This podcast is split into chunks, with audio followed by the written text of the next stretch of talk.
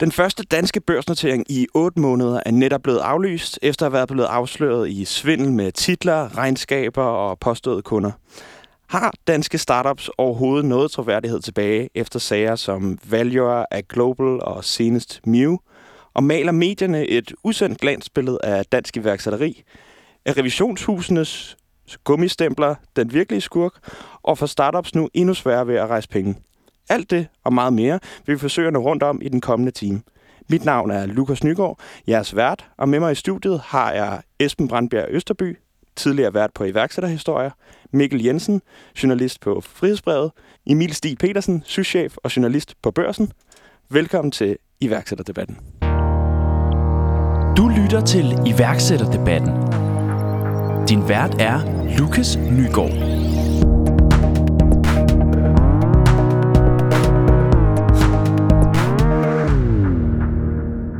Emil, lad mig starte med dig. Hvor mange børsprospekter prospekter, tror du, du har set i dit liv? Det har jeg ikke, øh, det har jeg ikke lige umiddelbart tal på, men øh, det nærmer sig et 60 antal. Det, ja. det vil jeg mene, ja. Okay, og når, øh, når der så kommer sådan et børsprospekt ind, som det vi lige har set fra, fra Mew, hvordan analyserer I så det? Hvad, hvad er processen? Altså, øh, jeg tror for to år siden, der, øh, ja, to år siden efterhånden, der lancerede vi noget, vi kalder øh, børspanel øh, inde på øh, vores øh, investor-afdeling, øh, hvor at vi ligesom har allieret os med to uafhængige investorer, som øh, går ind og vurderer øh, forretningscasen øh, eller investeringscasen ud fra tre parametre, forretningsmodel, værdiansættelse og øh, ledelse kvaliteter, kan du sige, eller kompetencer. Mm. Øhm, og øh, det vi så gør, er, at vi tager en snak med dem om, hvad de, øh, hvad de synes og tænker, og øh, så øh, mig og min makker Simon, øh, kirketab redaktør, han, øh, eller vi, øh, vi, vi går ind og så nærlæser vi selvfølgelig øh, prospektet, og så nærlæser vi ikke mindst regnskaberne. Mm. Øhm, og så, øh, så foretager vi et, et øh, cirka en times langt øh, interview med, øh, med ledelsen mm. af selskabet.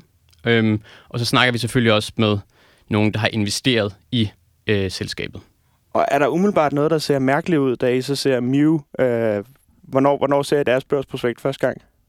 Jamen, jeg tror, det var... Øh, det må jo så have været forrige uge. Øh, ja, og det, det ser ikke umiddelbart... Jo, det, altså, når vi læser prospektet, så, så virker det... Der er mange ting, der virker... Det virker først og fremmest rigtig forvirrende, deres forretningsmodel. Og øh, vi, vi, øh, vi noterer os, da, da, da vi har øh, ligesom kigget på tallene, øh, at, øh, at øh, der står, at de er revideret. Men vi slår selvfølgelig også op i, i øh, regnskabet, i selve det regnskab, som de har præsenteret på deres hjemmeside. Og der kan vi så, når vi, når vi læser lidt ned i det, se, at, at det, er jo, det er jo rent faktisk overhovedet ikke revideret de første tre kvartaler. Der er blevet lavet en såkaldt revisor-erklæring, som mere eller mindre svarer til, at en revisor går ind og, og bare lige prikker lidt i overfladen, øh, og øh, overhovedet ikke øh, tilsvarende en revisionspåtegning, som øh, der står i prospektet, at øh, de her tre første kvartaler af 2022 øh, er blevet underlagt. Mm. Og der tænker vi jo, det, det, det, det er godt nok mærkeligt.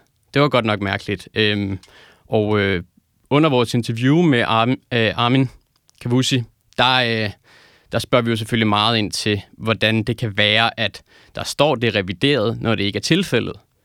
Og øh, jeg tror ikke, at Armin han rigtig ved, øh, det var i hvert fald det indtryk, jeg fik, da jeg interviewede ham, hvad forskellen på en revisionspåtegning, en udvidet gennemgang, øh, et øh, review, som det de rent faktisk har fået, og så en opstilling af et regnskab er. Mm. Øh, og jeg tror, vi citerer ham for at sige noget med, at da vi spørger ind til det, øh, det er uden for mit finansielle resort, det her. Mm. Okay. Og det, det, virker, det virker, det er jo et helt, det er jo et helt vildt statement ja. i en artikel. Øhm, så det vil sige, allerede da I ser Mew første gang, der er der noget, der lugter lidt mærkeligt, men I, I, I skriver alligevel ikke fra starten af, at, øh, at, at der er... Vi, er, vi fokuserer jo, kan man sige, først og fremmest på at give en grundig gennemgang af investeringscasen, øh, men, men øh, efter vores interview, så står det jo ret hurtigt klart, og der har både mig og Simon, som også var med til interviewet, en klar fornemmelse af, at, at der er et eller andet, der ikke, øh, der ikke er, som det skal være her. Ja. Og vi skriver jo også en passus ind i selve artiklen om, at han fortæller, at han har været øh, professionel fodboldspiller og øh, nummer et på en, øh, med sit band i Canada på en eller anden hitliste. Og, altså, Mm. hvis vi, normalt så, så kan du godt tage, øh, hvad kan man sige, øh, CEOs, og det, der står i prospektet for gode varer, og skrive det ind i en faktaboks i en artikel, fordi at det har ligesom været igennem en masse Mm. øh, tjek Ja. øh, af rådgiver og øh, advokater, og jeg skal komme efter dig. Men her, der, der lød det simpelthen for godt til at være sandt, så vi turde ikke at, at, at skrive det som om, at det var rent faktuelt, at han havde været de der ting. Hvilket det jo så viser sig, at han heller ikke har. Ja. Så der er, noget, der er noget mystisk fra starten af, ja. så går der lidt tid, og så øh, får frihedsbrevet kigget på den, og så, viser det sig, at der, er- der er meget med i det. Men inden vi hopper over til det, så vil jeg lige tage øh, hop øh, omkring fem år tilbage i tiden, fordi vi har også Esben Brandbjerg Østerby, som jo normalt er redaktør på, på programmet her, men i dag er, har jeg altså hævet ham ind som vært. Og den er en speciel grund til, Gæst, Det- det, mener du? Øh, undskyld, gæst, ja, ja. Selvfølgelig. og øh, grund til, at jeg har heddet Esben ind, det er fordi, at Esben har måske uofficiel Danmarks rekord i at interviewe tidlige iværksættere. Øh, både Lars Seier, David Helgersen og Armin for omkring en fem års tid siden.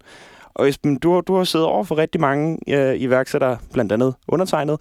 Øhm, hvordan var, var Armin anderledes, eller var han overhovedet det, i forhold til nogle af de andre, du talte med? Jamen, øh, nu er det her jo rigtig, rigtig længe siden, så det, det, det måske lige huske at, at tage med ind i ligningen, men øh, jeg husker Armin som en karismatisk og, og inspirerende person, egentlig fra den gang. Det, der er måske vigtigt at sige i den her sammenhæng, er, at jeg jo på det her tidspunkt ikke øh, er så moden og så kritisk anlagt. Øh, jeg er først lige kommet ind i det her miljø for iværksættere, som så mange andre, og begyndt, som du selv siger, at interviewe nogle iværksættere. Så jeg stillede mig ikke kritisk over for, om de ting, han sagde med, med bandet, eller øh, ting, han har lavet, om, om, om, om det var rigtigt eller forkert. Øh, jeg oplever ham som en karismatisk og, og spændende person, Og det er også som, nogle- som alle mine andre gæster jo. Et. Øh, og det er også nogenlunde det, der, det, der kommer med i, øh, i, i, i podcastinterviewet der for, for fem års tid siden. Øhm, i, i, når, når du ellers snakker med, med iværksættere, hvordan, øh, hvordan oplever du dem så? Er, er, der, er der en tendens til, at de måske nogle gange kan, kan oversælge det, de, det, de har gang i en lille smule? Det synes jeg er meget svært at svare på, fordi at øh, mit take var ikke på iværksætterhistorier, og det er det nok heller ikke den dag i dag, og der er andre medier, øh, som, som nok heller ikke er så gode til det i det her miljø, som i langt højere grad er, og nogen vil nok kalde det rygklapper, Mm. øh, og de, det er der også brug for, at give øh, iværksætterne et talerør for at fortælle deres historie. Men om de er faktuelt for rigtige eller forkerte, det har jeg aldrig sat mig ned. Jeg er ikke journalist. Jeg er bare en ildsjæl i miljøet, som har interviewet nogle iværksættere. Øh, det kan man måske godt kritisere mig for, og, og andre, men øh, det er jo derfor, vi har de to andre her i studiet, kan man sige. Ja, og øh, apropos øh, kritisk journalistik, det bedriver I jo en del af over på Frihedsbrevet. Ja, det vil jo så sige er vores varemærke. Øh, Det håber jeg i hvert fald også folk, de synes, at at det, de læser, det er kritisk. Og, og det øh, skulle jeg helst sige, det, det var ikke også over for, for Armin her øh, fra, fra Mew, og øh, der viser jo så også at være, være rigtig meget i det. Men hvordan kommer I egentlig på sporet af, af Armin? Øh, var det, da I læste om ham i børsen, eller er det tidligere? Det, det er, øh, jeg, jeg tror, vi begynder at kigge lige så stille på Mew omkring samtidig som Emil og en masse andre medier også gør i øvrigt, fordi at selskabet jo skaber en smule røg omkring dem selv øh, i forbindelse med den her børsnotering. Og Armin er jo ude og give nogle interviews, hvor han fortæller en masse øh, omkring de her lyksaligheder, han selv kan, og hans virksomhed kan. Og der er øh, i, i nogle af de tidlige interviews, og øh, nogle af de ting, han siger, kan vi bare ikke sådan rigtig få til at give mening. Altså, det lyder... Der, der er forskel på at, at oversætte sig selv, det man er vant til at høre. Man vil selvfølgelig godt pusse sit eget brand og sin egen virksomhed op til at, at kunne en masse og, og sælge et potentiale. Men her er altså nogle ting, som vi tænker, at det kan simpelthen ikke, ikke passe det her. Det, det, det lyder simpelthen for godt til at være sandt. Og så går vi jo så også i gang, ligesom de gør ind på børsen, med at læse øh, deres memorandum eller deres prospekt. Øh, og, øh, og prøve at forstå deres øh, forretningsmodel. Altså, hvad, hvad fanden er det nu? Hvad kan de her? Og, og de, jeg, kan, altså, jeg kan simpelthen ikke få det til at give mening. Og så er vi jo så så heldige, kan man sige, at øh, Armin her har sin egen hjemmeside, hvor han øh, sælger blandt andet foredrag, og man kan læse hans blog osv. Og øh, det kan jeg godt sige nu, at det er, det er noget af det mest syrede læsning, jeg har foretaget i lang tid. Altså det er virkelig, virkelig langt ud ting, der står. Øh, men han blev konsekvent ved med at henvise til sig selv som hjerneforsker og henviser til sine studier på Aston University. Han henviser til en studiegruppe, han giver den navn på, hvem han har lavet den her forskning sammen med. Og det vi så egentlig gør, altså hvor alarmklokken sådan virkelig begynder at, at bimle, det er jo, vi tager sådan set bare en af de her blogindlæg, hvor han skriver om sin forskning, oversætter det til engelsk, og så kan vi se, det er kopieret direkte ord for ord fra en, en blog. Og så tænker vi, okay, øh, det her med at være, være hjerneforsker, og det er jo det, han sælger sig selv meget på. Ikke? Altså, øh, de billeder, han får taget, der har han det her pandebånd på osv. Og Han, skrev, ja. han sagde i øvrigt også i den episode, som, øh, som jeg lavede med ham for fem år siden, at han læste uh, neurovidenskab ja, dengang. Ja, og øh, det, det giver ikke nogen mening for, for det første, at man øh, jo helt ukritisk citerer fra andre blogs, men også det her med, at det var sådan øh, en faglig kvalitet, som var yderst tvivlsom, de her blogs. Selv, jeg er ikke hjerneforsker, jeg er journalist, mm. men selv jeg kunne se, at det her, det var, altså, det, her, det handlede blandt andet om, hvordan 5G-stråling gav kraft i hjernen osv., og, og det er jo sådan noget kontroversiel forskning, må man sige, øh, sige men det, det tegner i hvert fald ikke til, at man er en seriøs hjerneforsker. Og så går vi så bare i gang med at undersøge øh, en helt klassiker, hvor man tager, hvad, hvad siger man, og hvad kan vi så finde i virkeligheden? Og ender så med at lave et interview med, med Armin, som jeg synes blev et, det er et sjovt interview at lytte til, øh, men det er også det er dybt foruroligende, hvis man har smidt pengeselskabet, vil jeg sige. Mm. Okay. Er det normalt, at I sidder og læser børsprospekter inde på Frihedsbrevet? Øh, ikke på samme måde, ikke lige så systematisk som Emil og, og det gør på børsen, men jeg synes det faktisk, vi, vi, vi har jo en, en lille finansredaktion, som jeg selv er en del af, sammen mm. med en, en anden journalist, og, og vi gør da vores bedste for at følge med i, øh, hvad sker der øh, i startup-verdenen. Øh, det, det er en svær balancegang, når man er to mennesker. Man vil gerne både skrive om nogle store virksomheder, men man vil også gerne skrive om startups osv. Det vi mest er ude på, det er jo sådan set bare at finde nogle, nogle gode historier, ikke? Og øh, den her, den tog ikke ret lang tid at finde ud af, at den var værd at kaste nogle flere ressourcer efter i hvert fald. Mm. Og, og hvor ofte vælger jeg ligesom at kaste nogle ekstra ressourcer efter for eksempel startups eller store virksomheder? Det gør vi, øh, det gør vi hvis vi skal se, der er en historie, kan man mm. sige. Øh, det, den kedelige del af mit job, det var sådan set bare at sidde og holde øje med de her, altså hvor han kunne der ligge en god historie, og læse, øh, det, det, er måske lidt træls at høre fra en iværksætter, men hvis man læser et prospekt, og der, det bare er i skønste orden, og øh, der er ikke noget at komme efter, så, så, så lader jeg den sådan set være, fordi vi er jo vi er et kritisk medie, og vi har ikke noget behov for sådan at skrive, øh, virksomheden gør det, den skal, aktiv historien vel.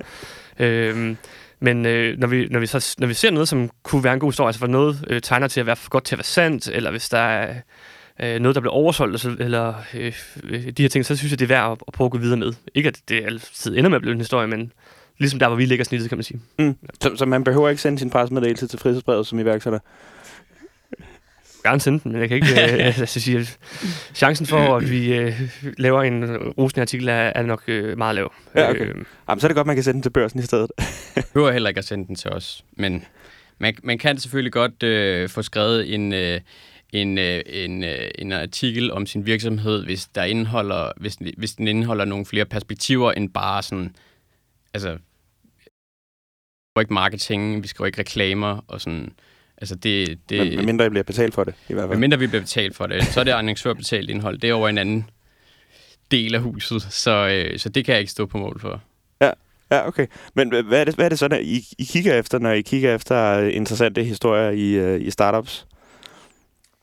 Hvad vi kigger efter, vi kigger jo efter, øh, vi kigger efter sådan tendenser, øh, de lidt bredere, øh, hvad kan man sige, øh, øh, ja, perspektiver i øh, startup-verdenen. Er, er der noget, der går igen nu? Altså, er der nogen, der står foran, øh, øh, for eksempel som vi, vi drøftede lidt her før, med at der, der er flere øh, virksomheder, der har svært ved at skaffe, skaffe kapital nu her. Mm. Øh, hvordan ser det ud? Vi lavede sådan en likviditetsanalyse af alle vækstvirksomheder, noteret på øh, øh, hvad hedder det, vækstbørserne her for et par måneder siden, øh, hvor vi gik ind og kiggede på, hvor mange øh, penge de havde i kassen, og hvad, hvad deres øh, hvad man sige, kapitalforbrug var øh, de seneste seks måneder, øh, og hvornår de sådan set øh, kunne estimere sig løbe tør for penge.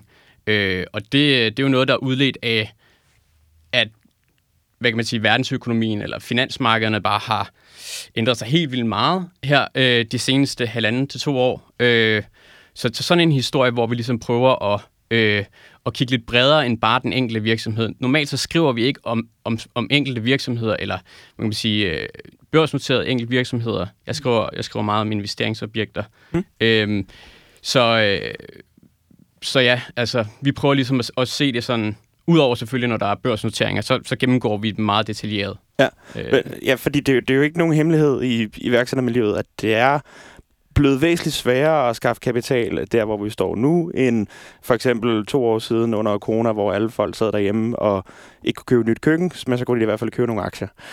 ja. ja. Øhm, men det, at det er blevet sværere at rejse kapital nu, det har vel også i høj grad noget med, med troværdigheden at, at de her virksomheder at gøre.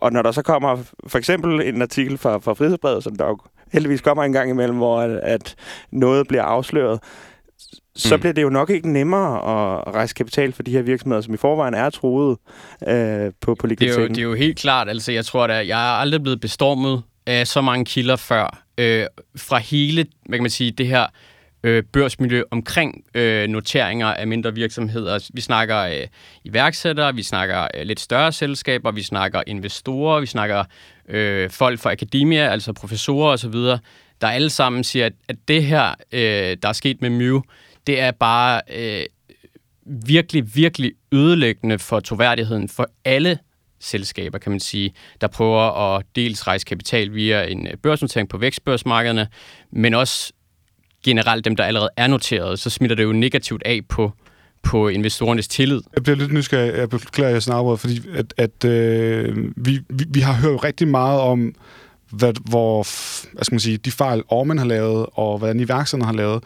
Noget af det, som jeg ikke synes, der er blevet snakket så meget om, det er, hvem der egentlig i virkeligheden sidst hen godkender, at de her de kommer på børs. Så når du snakker om, at du, ja. Der er mange, der skriver til jer, Mm. hvad, hvad siger Men- de så i forhold til, at det her de også bliver løst?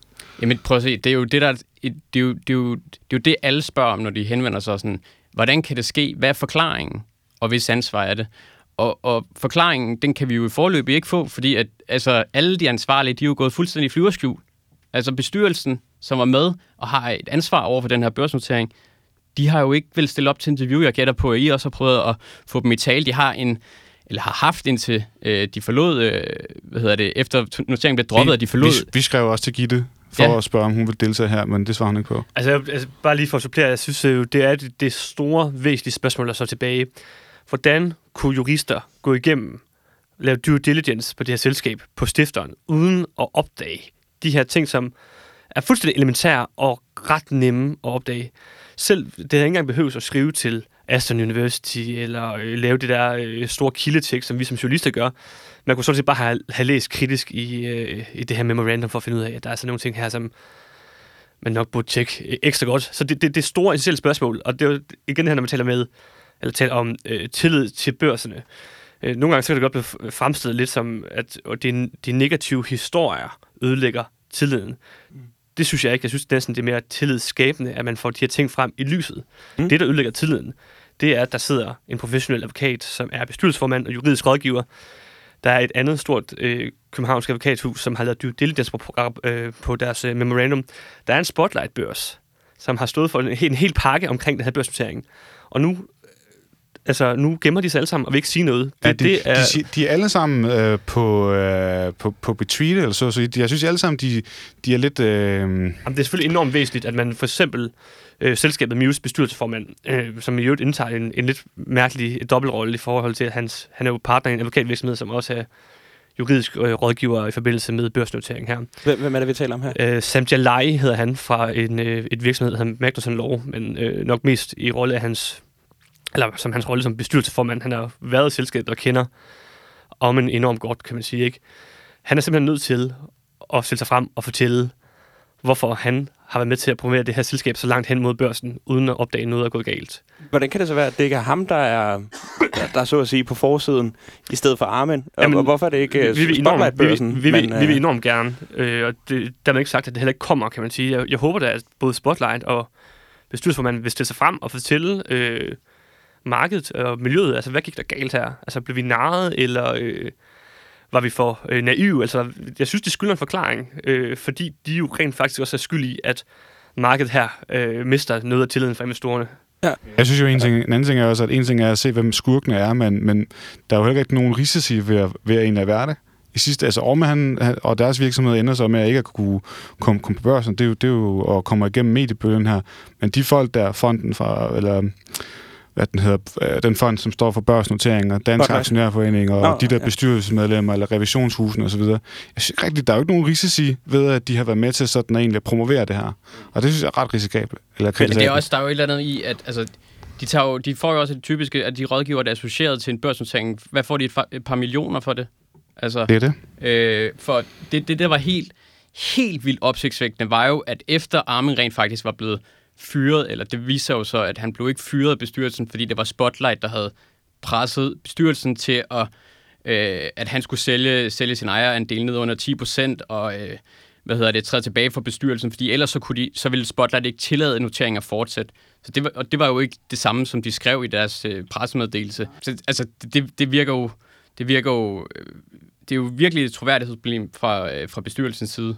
Så er, har vi simpelthen behov for, at nogle af de her folk, der har været øh, advokatselskabet, revisionsselskabet osv., har vi behov for at ligesom få sat dem frem i lyset for, at hvad skal man sige, miljøet kan komme videre, og troværdigheden ikke lider ulid, øh, unødvendig ja, vi er jo overlast nødt til at forstå, vi har jo behov for en forklaring. Altså, hvad er det, der er gået galt? Og det, det der med, at øh, for eksempel Gitte Jørgens der, hun går ud og skriver på LinkedIn, undskyld, jeg har meget røde ører, og så videre. Og så beder hun i øvrigt journalister om ikke at tage kontakt til hende. Men det, altså, vi, hun forklarer jo ikke, hvordan hun kunne sidde i en bestyrelse siden oktober 2022. Der er kun en undskyldning. Der er kun en undskyldning, men der er Det- ingen forklaring. Og, og det tror jeg, at hvis vi skal øh, ligesom prøve at, at forhindre lignende sager i at ske fremover, det er jo det, der er helt pointen med en forklaring. Så skal man jo forstå og lære af det her. Det er jo det, der Så er nødvendigt. Så skulle vi også have haft Ormen til at stå herinde. Ja, det vil have været formidabelt. Altså, det tror jeg, da, at alle vil sætte stor pris på. Det er de velkommen til. Det er en åben invitation Vi herfra har i jo, hvert fald. ja, jeg går ud fra, at vi begge to har prøvet at komme i kontakt med dem alle sammen. Øhm, Absolut, absolut. Øh, og det undrer mig øh, virkelig gevaldigt, altså, øh, at man ikke så meget så kommer med en udtalelse nærmest. Hmm. Øh, jeg- jeg startede med øh, den, øh, den aften, hvor øh, Ommen han trækker sig fra bestyrelsesrollen, eller bliver presset ud, eller hvad der nu i virkeligheden er sket øh, bag øh, murene der. Der er egentlig kontakt med deres bestyrelsesformand, som gerne vil stille op til et interview, og så morgen efter, det bliver kontaktet af en øh, krisekommunikatør, øh, Ja. som så varetager kommunikationen. Og øh, der er nogle gange sådan lidt en uheldig tendens til, at de bare siger, luk, luk fuldstændig ned. Og det, det tror jeg, altså, nu spekulerer jeg lidt på egen regning, men det er jo en, må- den eneste måde at redde ansigt på den situation, det er nærmest bare at stikke hovedet til jorden, ikke? Mm. Men, men øh, Emil har fuldstændig ret i, at det, det skylder virkelig en forklaring på, hvordan det her det kunne ske. Mm. Så det sidste ord er i hvert fald ikke sagt Ja. i den sag. Og vi så har- synes jeg også bare lige, at øh, Paul Andre Benz der fra Seahouse Capital, altså han, han, han skylder virkelig, virkelig en forklaring også. Altså, hvordan han har kunne sætte underskrift, fordi da jeg snakkede med Nordnet der, de, de valgte jo først, Mew valgte jo først at droppe børsnotering, efter Nordnet havde trukket sig, fordi så var der ikke nok tegninger. Det, så, de kunne ikke rigtig gøre andet, så kunne de køre videre med det, som de ellers havde tænkt sig. Øhm, men, øh, men, øh, men Nordnet siger jo, at de, de laver selv kun en lille due diligence. Det er selling agent eller rådgiver House Capital, der står for at lave selve due diligence af Mew. Og det er, den, det er deres Seahouse Capitals troværdighed, der ligesom øh, står på mål for, at Nordnet tilbyder noteringen til private, der ikke har nødvendigvis har så meget forstand på det. Men, men han, han, han, han vil ikke stille op til interview, øh, og han vil kun sende skriftlige kommentarer, der ikke besvarer nogle meget, meget essentielle spørgsmål. Jeg tror, han sk- har skrevet i et skriftligt citat, at det er uacceptabelt, og at øh, Spotlight og Seahouse i øvrigt anvender en ekstern øh, advokat, et eksternt advokathus til at lave due diligence. Men de skal jo også de skal jo selv stå, for mål, øh, stå på mål for det. Altså, så, så jeg synes bare, det her med at bare øh, gemme sig bag skriftlige kommentarer, eller øh, stikke hovedet i busken og skrive et opslag på LinkedIn og sådan noget, det holder bare ikke i en sag som den her. Mm. Hvis den her børsnotering var gået igennem, det havde været fuldstændig katastrofalt for rigtig mange øh, private, private investorer. Ja.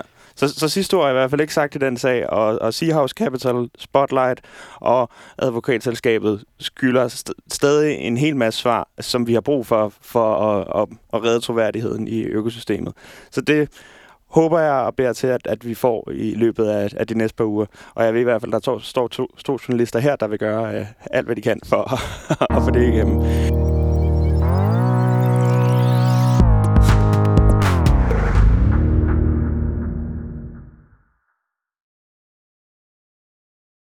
Miu er jo ikke desværre den, den første af den her slags sager. Øh, for nogle år siden, der havde vi et andet startup, der hed øh, Valure, øh, som gik på First North-børsen, øh, øh, som er en, en underafdeling af, af Nasdaq, øh, lidt det samme som Spotlight, øh, hvor at vi til dels havde en, en, en lignende situation. Og man kan sige, at det der med Mew, det er, det, det er så nyt, så der er en masse ting, vi simpelthen ikke har haft mulighed for at få svar på endnu. Men øh, Value efterhånden er et, et par år siden, øh, og der har vi lidt mere information at gå ud fra. Og jeg har faktisk taget et klip med fra Daniel Laursen, som er stifter af Value, som øh, her fortæller om, hvordan han oplevede øh, historien øh, om deres børsnotering og siden øh, store fald i, i aktiekursen. Det kommer her. Og hvorfor at jeg sådan skulle, skulle smides ud, eller øh, ikke være en, en del af det. Altså det motiv, det tænker jeg stadigvæk over, nu hvor det sådan bliver trukket lidt frem igen. Så det eneste motiv, jeg egentlig kan se, hvis man sådan også kigger på, på det faktuelt, så var det, at de vil have mit øh, ejerskab. Altså det, det er den ene ting. Og så tror jeg, det er jo fordi, de simpelthen ikke kunne se, at jeg måske kunne være med i det her scene, som, som de havde lagt en plan for. Det der, det der sker, jamen, det er, at jeg har et møde med min bestyrelsesformand, øh, og så øh, fortæller han, at jeg skal aflevere mine 20,5 procent, eller 21 procent, jeg havde. Og, og så, jamen, så siger jeg til ham, at jeg, jeg kunne egentlig godt tænke mig at måske have en mindre aktiekost. Jeg vil da gerne sælge dem. Men han synes, jeg skulle aflevere dem uden at, uden at hvad det hedder, egentlig få noget for dem.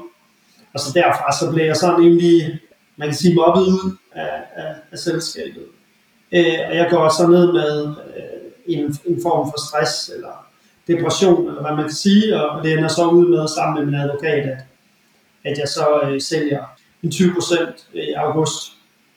Og så, øh, ja, og så skriver jeg så også under på, på et papir lige før, Øh, Øh, børsnoteringen i december, hvor at, øh, jeg siger, at, at, at jeg vil aldrig kunne øh, sagsøge dem, fordi jeg ved, at, at de på et tidspunkt ved, vil IPO, og ham, der får mig til at skrive under på papiret, jamen det er jo, det er jo så den kommende øh, bestyrelsesformand, som jeg faktisk troede var på min side.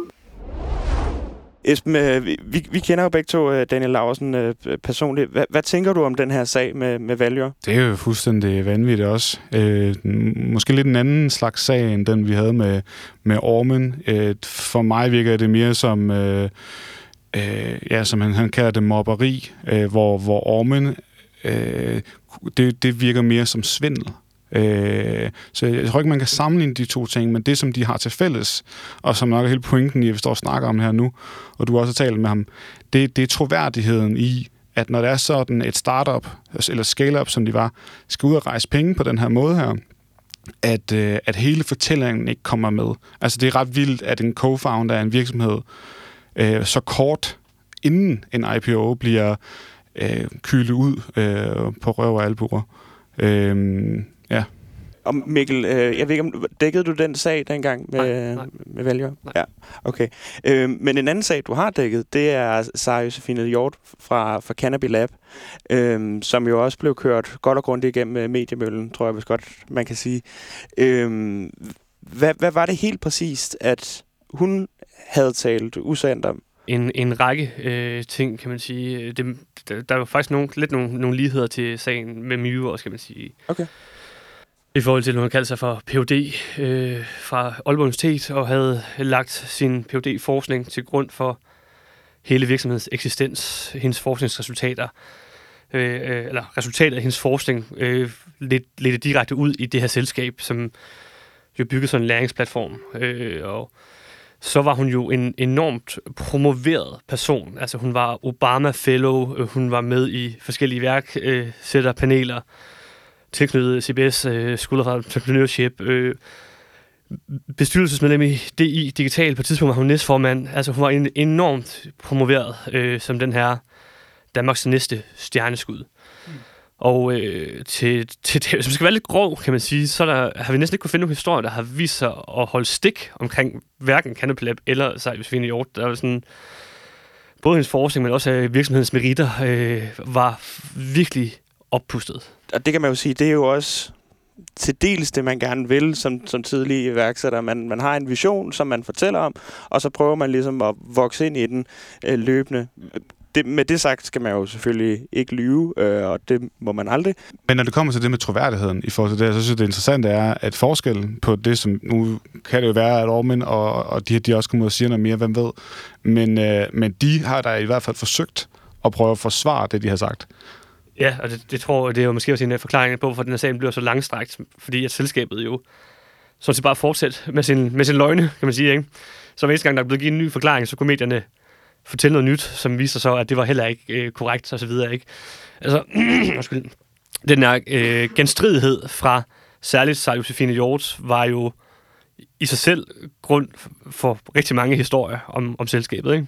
Ja, og, men, øh, men blev, hvad skal man sige, øh, historien om, om, om, øh, om Cannabis Lab, blev den trukket for langt ud? Altså på et tidspunkt, så da man havde set hende på forsiden af, af Ekstrabladet et, et par dage streg, så kunne det jo nærmest begynde at føles lidt som, som en hets mod en, der egentlig bare prøvede at, at gøre uddannelse bedre øh, for øh, både i virksomheder og ude i, i det offentlige. Hvor, hvorfor skulle den køre så langt ud? Det, det er et godt spørgsmål, det er jo i sidste ende op til læserne af medierne, om de synes, at den er trukket for langt ud, kan man sige. Øh, jeg synes det personligt ikke, øh, men jeg er på nippet til at sige, at den er måske trukket øh, langt ud. Der har været rigtigt, der har været utrolig mange artikler, og det, på et tidspunkt så kan det også godt være kedeligt for læser at læse om sådan øh, små afsløringer. Altså vi på Frihedsbredet har forsøgt at samle vores i nogle lidt øh, større artikler med nogle øh, sådan lidt mere bund i, og hvor vi sådan fokuseret øh, først meget på, på forskningen, altså hvor vi kan fortælle det der med, at øh, den forskning, hun lavede, det er faktisk nogle ansatte i hendes virksomhed, som har skrevet den, og så har hun sat øh, navn på, og så dumpede hun i øvrigt også øh, det eneste publicering, øh, forskning, hun har lavet osv. Og det synes jeg egentlig er nogle, nogle historier, som er helt inden for skiven, når man nu sælger en virksomhed som værende forskningsbaseret, så bare fortælle, at den her forskning, den er altså ikke øh, helt så god, som den bliver fremlagt til at være, kan man sige. Ikke?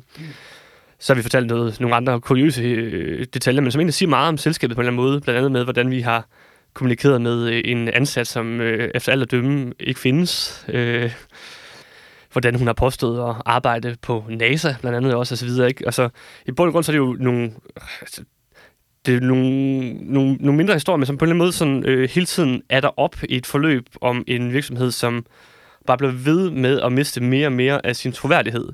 Mm. Altså jeg vil da blive enormt nervøs i branchen, hvis at, øh, der ikke var en eller anden form for justits, ved man, hvis man kunne lyve sig til tops, mm. påstå, at man arbejder alle mulige steder, påstod, at dit produkt var øh, ikke bare baseret på forskning, men også fuldstændig genialt bygget op på øh, revolutionerende AI og machine learning, og jeg skal komme efter dig. Hun var jo også AI-ekspert på NASA, for det ikke skulle være løgn osv. Hvis det ikke kommer frem i lyset, at det ikke passer, så kan man jo så kan man på en eller anden måde skabe en præcedens, hvor det gælder mere om at fortælle flotte ord og floskler, mm-hmm. end at vise, hvad man reelt er værd. Så derfor synes jeg, at de her historier er vigtige, og det er også derfor, jeg ikke synes, at det er gået for langt. Så der kan man i hvert fald helt klart sige, at journalistikken ligesom øh, bidrager til at, at øge troværdigheden i, i miljøet. Men, men, men, men nu i, sagde du, Esben, også tidligere det her med, øh, at at, øh, at der ikke sådan er måske en tendens i, i iværksættermiljøet i forhold til ligesom at, at, at, at smøre lidt tyk på en gang imellem, når man skal sælge sig selv til potentielle investorer. Øhm, og det vil jeg sige, altså jeg, jeg kender også mange iværksættere og har kontakt med en hel masse bundreelle, øh, bundre, bundreelle virksomheder. Øh, men der er desværre også, øh, der er desværre også en del, der har hang til lige at, at male prospekterne og salgsbrochurerne lidt for rosenrødt, når de skal ud og, og hente penge. Øh, og, og stille nogle lidt for optimistiske øh, forventninger i udsigt. Og det tror jeg bare sådan, det, det er ret grundlæggende også, når du skal ud. Jeg tror, det tror jeg, investorerne ofte sagtens selv kan gennemskue. Det kommer Så... an på, hvem der er, der er mulige investorer det, det er sådan lidt sværere, tror jeg, når det er private i form af, af børsnoteringer. Det, det, det er jeg meget enig i. Øh, altså, at forskellen ligger i, om det er noteret eller ikke noteret. Ja, For... Jamen, det er helt klart. Altså, ja, altså øh, normale business angels osv. Venture også. Venture, altså, de, yes. de har deres due diligence i orden osv. De ved godt, de skal, trække, de skal trække halvdelen fra nogle gange. Ikke? Præcis. Nå, men altså, jeg kan, jeg kan jo måske tale mere, fordi at jeg er ikke lige så involveret i hele iværksættermiljøet, som hverken ja, Emil eller jeg, kan man sige. Ikke? Og øh, nogle gange så kan det faktisk være utrolig svært at se iværksættermiljøet udefra, fordi man netop møder ret mange floskler. Øh, jeg tit øh, lavet sådan joke med, selvom jeg kan godt prøve at tage min mor med til sådan noget som Tech Barbecue. for at se, hvad, hvad, hun egentlig fik ud af det, kan man sige. Ikke? Fordi det er jo virkelig et sted, hvor man også hører om mange visioner og planer, men også floskler. Mm. Øh, så jeg synes, det er vigtigt, at der er nogle gange nogen, der...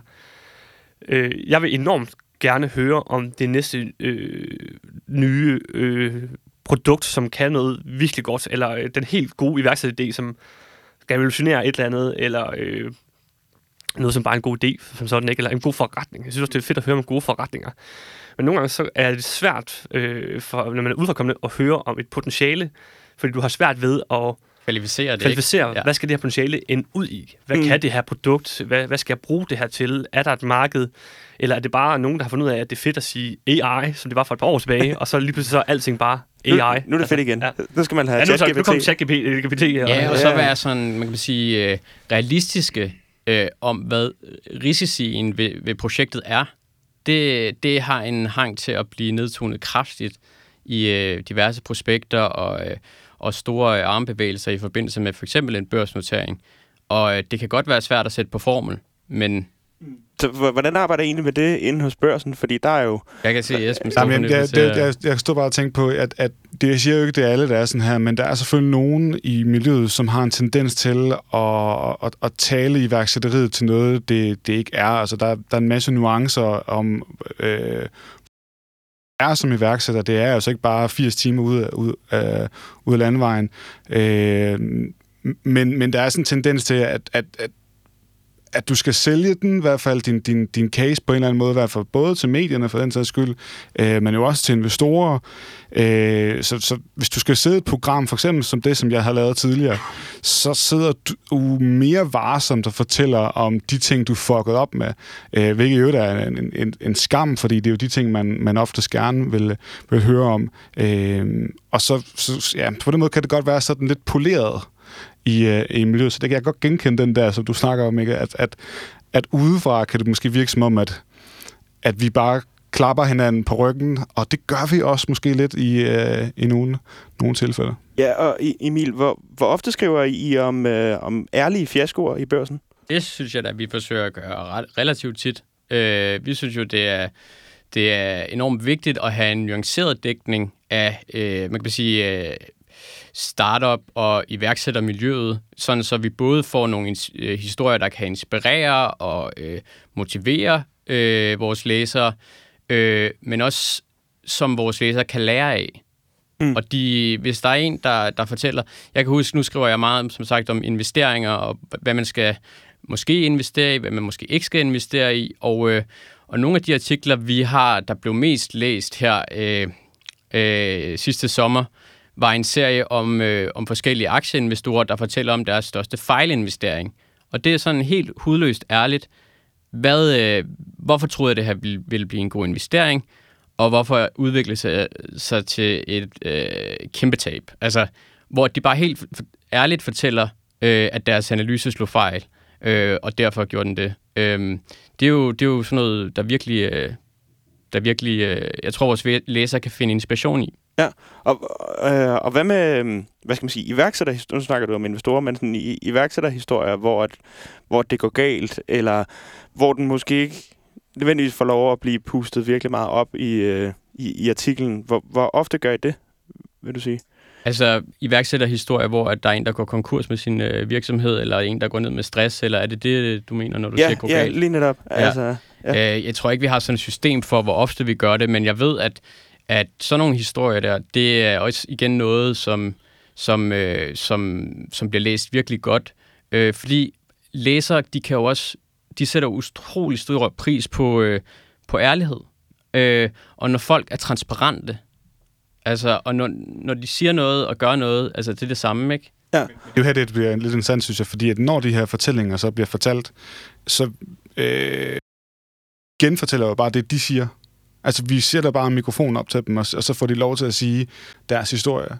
Vi, vi er jo ikke ude, ligesom for eksempel frihedsbrevet, og spørger måske, om man, er det nu rigtigt, at det var sådan, det fungerede? Burde man lige dem, som stod på den anden side, altså den anden founder, eller whatever? Forstår du mere? Jeg forstår godt, hvad du mener, og det, øh, det, øh, det er jo tit sådan noget med, øh, hvor man skal lægge sine ressourcer hen, kan man sige. Ikke? Altså, hvis en lille startup ikke lykkes, så, så er den mest interessante historie måske egentlig også bare at høre fra stifteren, hvorfor lykkes det ikke. Øh, er det noget, man skal kaste en masse journalistisk kraft af, så synes jeg også, det skal have et form for impact. Altså, så skal der øh, stå nogle øh, investorer tilbage og mangle deres penge, eller der skal stå nogle kunder, der føler sig snydt, eller et eller andet, ikke? Jeg tror, altså, hvis jeg skal tage videre på Emil, så er det også nogle gange bare øh, inspirerende og, og sjovt at høre om, hvor henne i processen øh, gik det galt. Ligesom vi nærmest hørte i, i klippet her, ikke? Med en, der fortæller øh, sådan lidt mere behind the scenes, kan man sige, øh, her øh, havde jeg lige pludselig ikke penge nok tilbage, eller øh, jeg havde brugt dem alle sammen på, på marketing, og det var dumt, eller hvad det nu kan være. Øh, kan i princippet selv være en god journalistisk historie. Det, og det er jo super fedt, når det er sådan, det er, det er fejlene, det er de, de ting, som de sådan er autentiske omkring i den forstand. Men når det er sådan, at det er alle de positive historier, altså nu har vi snakket om Morven, og jeg sad og, og interviewede ham for fem år siden, og jeg stillede mig jo ikke kritisk. Altså, jeg, jeg troede bare, at det, han sagde, var, var, var rigtigt. Nå, det er så, jamen, det er så i, i forbindelse med... Øh, altså, jeg, jeg ser det bare adskilt sådan lidt som to forskellige situationer, kan man sige. Fordi der er øh, et spørgsmål om at kunne krise til nogens fortælling og historie, mens de prøver at sælge sig selv og skal fortælle om deres eget potentiale osv., der synes jeg, der er øh, brug for enormt meget kritik. Når tingene går galt, så er der selvfølgelig stadig brug for kritisk dækning. Altså, hvordan gik det galt? Øh, er der noget, der blev solgt øh, ind på forkerte præmisser osv.? Men hvis man bare skulle have den her øh, sådan generelle snak om øh, iværksættermiljøet, altså, som vi snakker om lidt tidligere med, at man hører jo meget om potentiale i ting, så er det også nogle gange, at man ikke behøver ikke at have en, en graverjournalistisk kritisk historie for at høre om en proces, hvor noget går galt. Der kan man så bare godt øh, nogle gange øh, adspørge noget transparens, eller øh, fortælle øh, folk om... Altså... Ja, det er jo heller ikke for at tage, tage, tage fra, at man selvfølgelig også skal Øh, altså, jeg, jeg, jeg fortryder ikke, at jeg, at jeg udgav den historie dengang, for jeg synes, at det var, han var karismatisk og spændende. Øh, og det er jeg sikker på, at der er mange andre, der også synes. Øh, og i øvrigt med alle de andre. Og det er meget åbenlyst. øh, øh, og, og det skal der også være. Altså, det er ikke fordi, at jeg kritiserer, at... Øh, at, at vi ikke fortæller de positive historier, for de, de skal naturligvis også fortælles.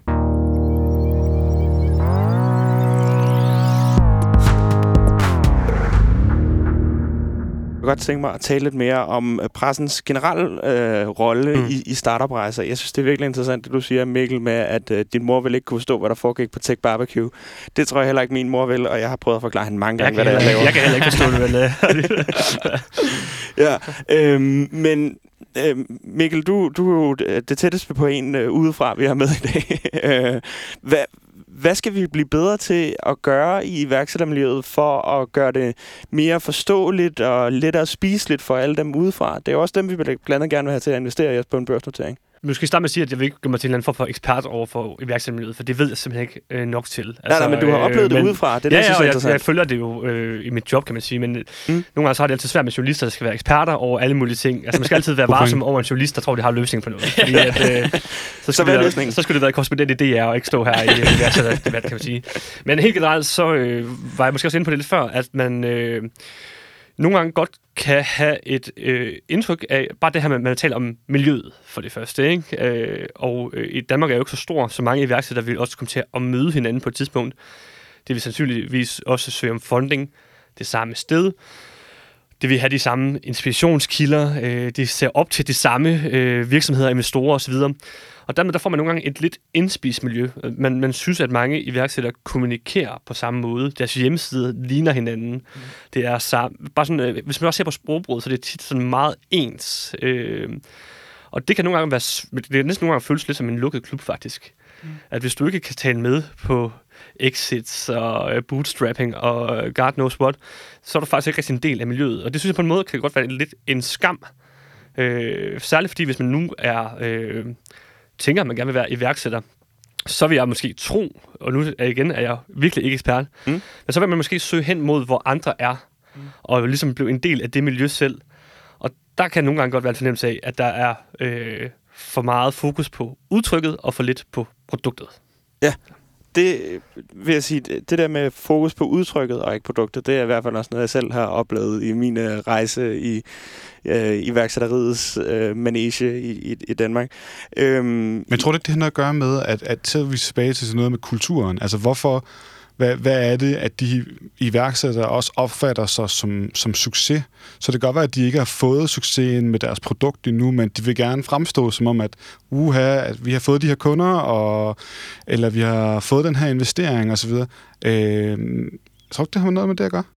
Jo, det, det tror jeg helt klart, at ja, som jeg sagde, man, man har behov for at, at lave en vision, og så ligesom vokse ind i den langsomt. Og, og nogle gange, så kan man komme til at, at puste lidt for meget op. Der er også nogen, der kan komme til at puste for lidt op. Øh, så det kan også være at gøre noget, Det er der... vel også lige så stor en dødssynd, nærmest. Altså, Øh, hvis man undersælger sig selv, Ja, så lige kommer netop. man ikke langt, vel? Fordi så får du i hvert fald ikke rejst nogen penge. Øh, eller Hvis man skal rejse fundet penge. ja, rejse penge, eller fundet de rigtige medarbejdere, partnere, kunder. Som iværksætter har man i hvert fald altid i en eller anden grad et behov for at sælge noget, om det så er virksomheden eller produktet, eller for den sags skyld bare sig selv. Øhm, men Emil, nu øh, står vi jo i en situation i iværksættermiljøet, hvor at der er, det, det er sværere at rejse penge end, end nogensinde før, og vi har måske mere brug for folk udefra, end, end vi nogensinde har haft før, fordi der er mange af business angelsene og, og venturekapitalfondene og så videre, som har, øh, de, de har haft det hårdt øh, det sidste stykke tid. Hvad, hvad tror du, vi skal gøre for at, øh, at invitere folk mere ind? Ja, det er jo også altså, et stort og et svært spørgsmål, tror jeg, at besvare. Mm. Øh, og, øh, Det skal ikke være nemt at være med her. Nej, det skal det ikke, det skal det ikke. Øhm, hvad man kan gøre for at invitere folk mere ind. Øh, Og gøre det nemmere forståeligt. Altså, i børsen er jo også kommunikation, øh, så det skal jo være let forståeligt, kan man sige. ja. Men der tror jeg, i forlængelse af det Mikkel han lige sagde, altså alt det der med floskler og klichéer og øh, altså... Øh, Ja, det hænder, som vi også talte om her lidt tidligere, at jeg får øh, pressemeddelelser ind i min indbakke fra, øh, fra iværksættere, der gerne vil sælge sig selv. Og altså, øh, hvi- hvis, det, hvis det er fyldt med klichéer og floskler og øh, bare generelt øh, uinspirerende, så, så, så er det altså ikke noget, vi går videre med eller prøver at jagte øh, et perspektiv i. Mm. Øhm, så, så det her med at, at virkelig... Øh, øh, jeg tror virkelig, at sådan ærlighed og, øh, og transparens, og det gælder både for iværksættere og for mindre selskaber, der skal ud og hente penge, øh, eventuelt på en børs. Men jeg er så enig, fordi så er vi tilbage til det, som vi har snakket om tidligere, med troværdigheden. Ja, altså Fordi- det, det er fuldstændig afgørende. Det kan være, at her jeg lige skal hive et klip ind fra, fra den gode Daniel Larsen igen, øh, fra, øh, fra Valure, øh, som netop også snakker om det her med øh, rådgivernes ansvar versus mediernes ansvar. Mediers ansvar. Det klip, det, øh, det kommer her.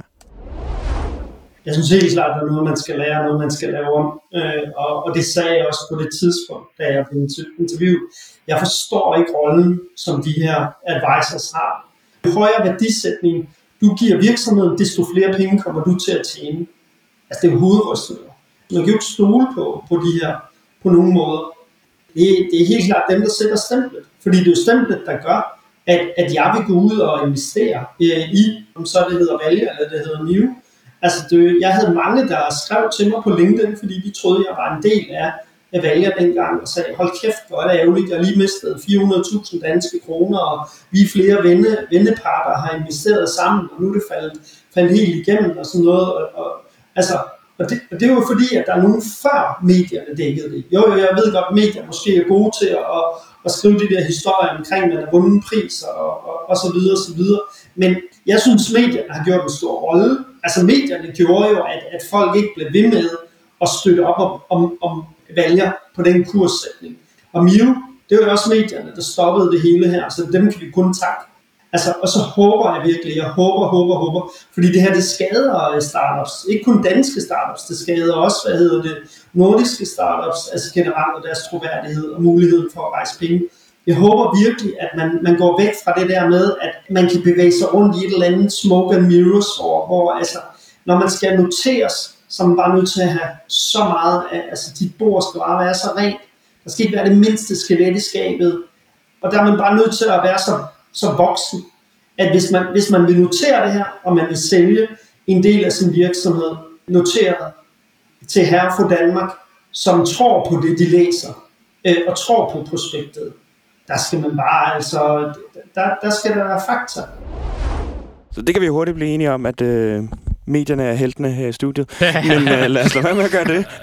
ja. Og så i stedet vil jeg gerne spørge dig, Emil. Øh, tror du, der kommer til at rulle hoveder i øh, nogle af advokatselskaberne eller revisionshusene her efter, efter Mew-sagen? Øh, altså, jeg, har, jeg ved ikke, om der kommer til at rulle hoveder. Det synes jeg er lidt måske upassende at spekulere i. men, øh, altså, men jeg synes der... i hvert fald, der er nogen, der ikke har levet op til det ansvar, de har. Øh, og som tydeligvis ikke har sat sig ind i, øh, i det, de prøver at sælge til folk. Mm. Altså, jeg fik et opkald fra, fra ham rådgiveren der, som, vi nævnte, som jeg nævnte tidligere, øh, inden vi udgav om fredagen. Og han ville lige sikre sig, at, øh, at jeg nu havde fanget det der med, at der var ikke, hvad hedder det, revisorpåtegning, eller der var en revisionserklæring, eller en revisorerklæring på de første tre kvartaler, eller var det, eller var det fjerde kvartal, eller hvad var det egentlig? Han vidste ikke selv, hvad det var, øh, der var, der var øh, kritik af. Altså, det, det virker bare for mig, som om han ikke havde, havde, havde sat sig ind i, ind i prospektet, altså, mm. øh, og ind i, øh, hvad det var, han var i gang med at sælge. Øh, og det synes jeg bare, jeg, jeg synes virkelig, at der, der, der vil jeg meget gerne lave et interview med ham og, mm. og, og spørge ham. Det er en åben invitation. Altså, det er jo, der blev måske i tale sat et, et, et potentielt problem her også i, at de øh, rådgiver, som skal stå for at tjekke op på det her selskab øh, og lave due diligence, de tjener også penge på, at det her selskab går på børsen. Mm. Øh, så dermed kan man have en interesse i ikke at gå lige så hårdt til fakta, som man måske burde have haft. Det viser den her sag jo tydeligt. Hvis du, hvis, altså, hvis du, øh, hvis din løn er afhængig af, at det selskab går på børsen, så øh, hvor god en rådgiver er du så? Det kan være et problem. Jeg, jeg kender ikke branchen godt nok til at vide, om det er et problem, men... Øh, hvad siger du? Jo, jo, jo, men det er det er helt bestemt. Øh, men det har jo været debatteret meget, øh, hvor skrabe øh, krav, der skal være til de her rådgivere øh, fra, øh, fra børsmyndigheden, eller hvad hedder det, børs, børserne, som, som, som, øh, som stiller kravene. Øh, Øh, og og det, det, er jo, det er jo en evig debat, det der. Øh, men, men der er jo en, en, en, øh, en latent interessekonflikt bundet op på, at de ligesom tjener penge, også efter noteringen er gennemført, øh, så får de så også øh, øh, typisk det, det varierer lidt fra rådgiver til rådgiver, men, men der er typisk også alt afhængig af værdiansættelsen, så er der flere penge i kassen til rådgiveren, ikke? Øh, og det er, jo, øh, det er jo super usundt. Nu, nu snakker Daniel selv om, om øh, hvordan de, de rådgiver, de har haft på og forsøgt at, at skrue op for værdiansættelsen. Øh, og, og det er jo, øh, ja, det er jo, det er jo ikke sådan, det skal være. Det er jo... Er, er der noget politisk, vi burde lave om her? Burde man have noget øh, strammere lovgivning omkring øh, børsnotering, og hvem der må der sætte stempel på en børsnotering? ja, det, det, det er der i hvert fald, øh, hvad hedder det, en professor Carsten Sangård, der er citeret for en artikel, vi udgav torsdag, for at, for at fremsætte et ønske om, altså at myndighederne laver, går ind og, og laver strammere krav til prospekterne, men det er jo hele tiden en balancegang. Fordi du vil, du vil jo gerne have selskaber tidligt ind, så der skal jo heller ikke være for stramme krav, mm. fordi det kan de selskaber ikke bruge ressourcer på at opfylde. Mm. Nej, som store corporate. Ja, ja, der går, ja, ja lige nøjagtigt. Ja. Altså, du vil gerne have, have mindre selskaber ind, men det skal, og det skal ikke være for svært at komme ind. Altså, mm. men, øh, men, men det skal heller ikke det skal heller ikke være sådan, at der kommer sådan nogle her cases igennem nåløjet, ved? Ja, fordi... Jeg synes, det er jo, det er jo altså, de, øh, jeres gode investeringseksperter taler sådan set meget godt ind i sagen, fordi øh, de er jo enormt ærgerlige over den her Mew-sag. Altså, det virker jo faktisk meget berørt, og, og sådan lidt, nej, det er virkelig ked af at høre det, fordi det rammer branchen på den måde, det gør. At nu er man ude i en situation, hvor enten øh, lysten til at øh, lave en IPO bliver mindre for andre selskaber, eller myndighedskravene bliver større. Øh, og det er selvfølgelig super træls, hvis man øh, gik med planer om, at man ikke har ressourcerne til at skulle øh, hyre endnu flere advokater, eller hvad det nu kunne være, kan man sige. Ikke? Så i bund og grund, så er det jo så til bare, altså, hvis man skulle sige det på jysk, altså en rigtig træls situation. Ikke? ja. Øh, ja. ja. Ja, fordi man kan jo sige, over, over de senere år, man har også nærmest set sådan en, hvad skal man sige, demokratisering af mulighederne for at investere. Øh, vi har danske øh, Public, øh, der er Robin Hood og en lang række andre platforme, hvor øh, hvad skal man sige, gå så en herre fra Danmark øh, kan sidde derhjemme og øh, købe måske en tiende eller en hundreddel af for eksempel en, en Mærsk-aktie eller en Mew-aktie. Øhm, er det også noget af det, der måske er, er med til øh, og, og, og bidrage til at, at lave nogle, nogle bobler i det, i det finansielle system øh, de her år? er kommet flere private investorer på markedet. Som jo ikke har mulighed for at lave den samme due diligence, som... Ja, helt klart. Der har jo været alle de her, som du selv lige refererede til, Robin Hood-aktien, der bare øh, bliver kørt, de, alle de her meme-aktier, ja. øh, som bliver spekuleret op af, af Reddit-investorer og GameStop og så bare. GameStop og alt det der. Øh, det er klart, det laver nogle meget mærkelige kursbevægelser. Øh, og så som sådan er der også kommet flere private ind i markedet, som jo også har været medvirkende til at sende øh, værdiansættelserne på, øh, på aktiemarkedet højere op. Øh, det er klart. Mm. Og, øh, og lige så hurtigt, som øh, de kom ind under corona, lige så hurtigt at har de vist, ja, har de vist også forladt markedet. Ja. Øh, så, så altså, ja, øh, jeg tror, i forhold til, jeg synes lidt kernen er, øh, at når du, når du sælger noget til nogen, som, som ikke har så stort et kendskab til det, og det, snak, det snakker Daniel også om, det er herre fra Danmark, ikke? så har du bare at være ærlig. Altså, det er så øh, umoralsk at udnytte, at folk ikke nødvendigvis har de kompetencer til at sætte sig ind i det på samme måde, som de investorer, vi snakker om tidligere, har. Og, og der er jo et høj grad af selvregulering i hele det her økosystem, øh, hvor at, at der bliver jo diskuteret, hvad er en færre værdiansættelse, for eksempel. Og, øh, og der synes jeg, at der er nogen i rådgiverbranchen, der har været rigtig gode til at lytte til de kritikpunkter, som vi i børsen har bragt på banen i forhold til alle de øh, øh hvad hedder det, gennemgang af forskellige IPO'er, vi har lavet her de seneste par år. Øh, der er nogle rådgivere, der har været ude og skrue ned for værdiansættelserne, eller fået rettet nogle ting til, og øh, vi så jo faktisk mange af de her børsnoteringer, der var i på vækstbørserne i slutningen af, af 2021, rent faktisk øh, var værd at kaste penge efter. Det kan man jo i hvert fald se på kursudviklingen nu, mm. øh, for, mange, for mange vedkommende. Og der hører vi jo også, at det er jo i, i høj grad baggrund af det, som vores aktieeksperter har, har, har sagt. Så, men der er andre, der er andre rådgivere, som er, hvor det er lidt mere det vilde vesten. Øh, og der, der er altså der er behov for at lige at få luet ud og få, få, få nogle moralske kompasbanke på plads, tror jeg. Så, så der leger nærmest, hvad skal man sige, den store udgave af Jesper i Løvens Hule, der siger, at jeres værdiansættelse er for høj, og derfor er jeg ude. Ja, Ja, eller omvendt kan man også sige, at, at, at hvis du er almindelig forbruger af et eller andet produkt, og du har haft en dårlig oplevelse, kan du hoppe på Trustpilot. Mm. Men, men, men det, altså, der er ikke en eller anden sådan... Øh, hvis der har været nogen, som for eksempel har rådgivet for dårligt, både i Ormans sag her, eller Muse-sagen, eller, eller andre, der er ikke, altså jeg tror ikke sådan en brede befolkning, eller og heller for den sags skyld vores eget miljø her i værksomhedsmiljøet, mm. er sådan bekendt med, hvem er det I her, altså hvem, er det egentlig, man skal holde fingrene fra? Mm. Ja, men sige, kan man- man, hvis man er lidt fræk, så kan man også godt vente en, en lille smule rundt og sige, at investorerne bærer jo også en del ansvar selv, kan man Ja, sige. helt ikke? Altså, øh, nu snakker vi om de der corona-investorer, som jo, øh, hvor pengene fløj om ørerne på dem nærmest ikke, og investeret i, i, i dit og dat og så videre, ikke? Hvis man vil gå på aktiemarkedet, så har man også et ansvar selv. Øh, også i forhold til, hvis man var investor og skulle investere i, i Miu, havde man også et ansvar selv til at finde ud af, hvad er forretningsmodellen her. Og hvis jeg ikke forstår den, så er det måske heller ikke verdens bedste idé at, at kaste penge efter. Mm. Nogle gange så fremlægger vi det bare sådan, du ved, at og det er synd for småsparerne, og det er det også, fordi vi vil jo gerne have deres penge på aktiemarkedet. Mm. Men man skal også bare vide, at det ikke er risikofrit. Ja. Altså. Er, er aktiemarkedet faktisk blevet liberaliseret? Altså for liberaliseret, undskyld. Øh, Det ved Emil bedre end mig, tror jeg. Hvad siger du, Emil? Nej, nej, altså jeg tror ikke, det er blevet for liberaliseret. Øhm, men jeg tror netop det her, som Mikkel påpeger med, at øh, det er ikke risikofrit. Og det tror jeg, det er ligesom det, vi har prøvet her de senere par år, at få ind i vores dækning af, af hele det her IPO-marked mm. for mindre selskaber. Ikke? I talsæt og beskrive nogle af de forskellige risici, der er ved at investere. Du kan ikke bare øh, altså helt hovedløst kaste dine penge ind. Så vi, vi prøver ligesom at, at, at lære øh, småsparerne og øh, mindre aktionærer eller investorer om, øh, hvad det vil sige egentlig at investere. Mm. Og hvordan kan du læse et prospekt, og hvad skal du til højde for, hvordan kan du forsøge at regne en værdiansættelse hjem og så videre, ikke? Ja, så mere uddannelse er i virkeligheden svaret. Det tror jeg er et af svarene i hvert fald. Ja, måske sådan her, øh, nu, nu skal vi til at, at runde af stille og roligt, men øh, sådan afslutningsvis, øh, så vil jeg bare lige høre sådan rundt om bordet, hvordan I ser, hvad skal man sige, troværdigheden af, af danske iværksættere. Måske lad, lad os starte over hos dig, Mikkel. Hvis vi tager en iværksætter versus en politiker, en journalist og en brugvognsforhandler, hvor ligger vi henne? Det er så det værste. Øh, Ja.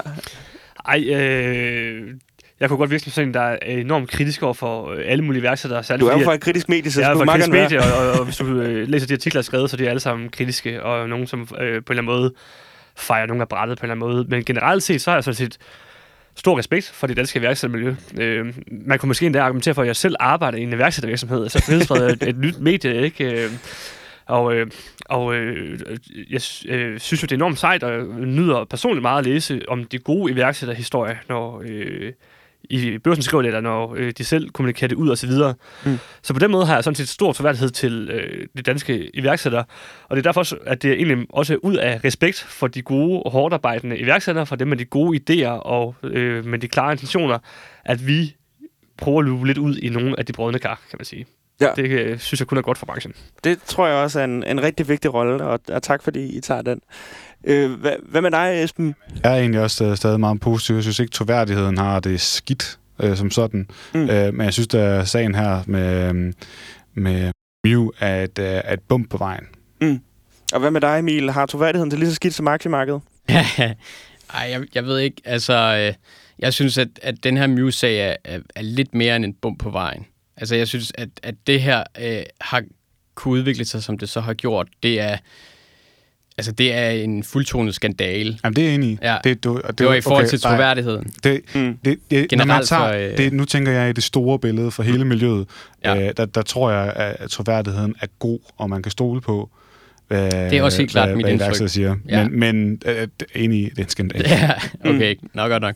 Nej, men altså, altså øh, jeg, jeg, jeg, jeg synes, der er, det, jeg tror heller ikke, det er sådan, at iværksætterbranchen som sådan får et, et, et slidt image af Mew-casen isoleret. Øh, men jeg kan da have min tvivl om, øh, hvorvidt øh, der nu går ret lang tid, før der kommer en ny øh, notering på, øh, på vækstbørsen. Øh, enten på Nasdaq First North eller Spotlight Stock Market øh, fra et dansk selskab.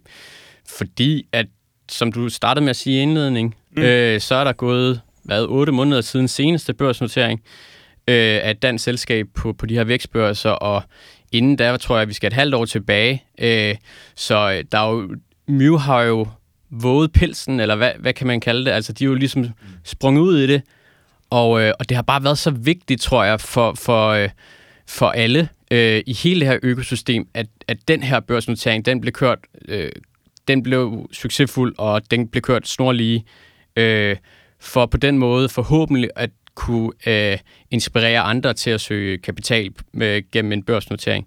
Og det tror jeg altså bare, at den her sag øh, får den konsekvens, at, at der kommer ikke til at være øh, en ny notering her lige forløbig i hvert fald. Der kommer i hvert fald til at være mere overvågenhed Ja. ja. næste gang. Der kommer er til, nogen, det skal i øh, hvert fald køre snorlige, ikke? Ja, så Øhm. Emil, øh, slag på tasken, forudsigelse af gratis her i programmet. Øh, hvornår tror du, den næste børsnotering kommer af et dansk selskab?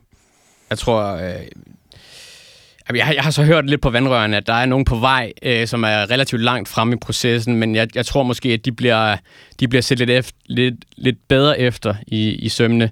Også fordi jeg har hørt, at det netop skulle være igennem Spotlight. Så Okay. øh, jeg tror, Spotlight er ekstra opmærksom på, på, på danske noteringer, det må jeg sige. Ja. Øh, så der går, nok, øh, der går nok i hvert fald lige et par måneder. Det kommer selvfølgelig også an på, om, øh, om aktiemarkedet bliver ved med at køre op.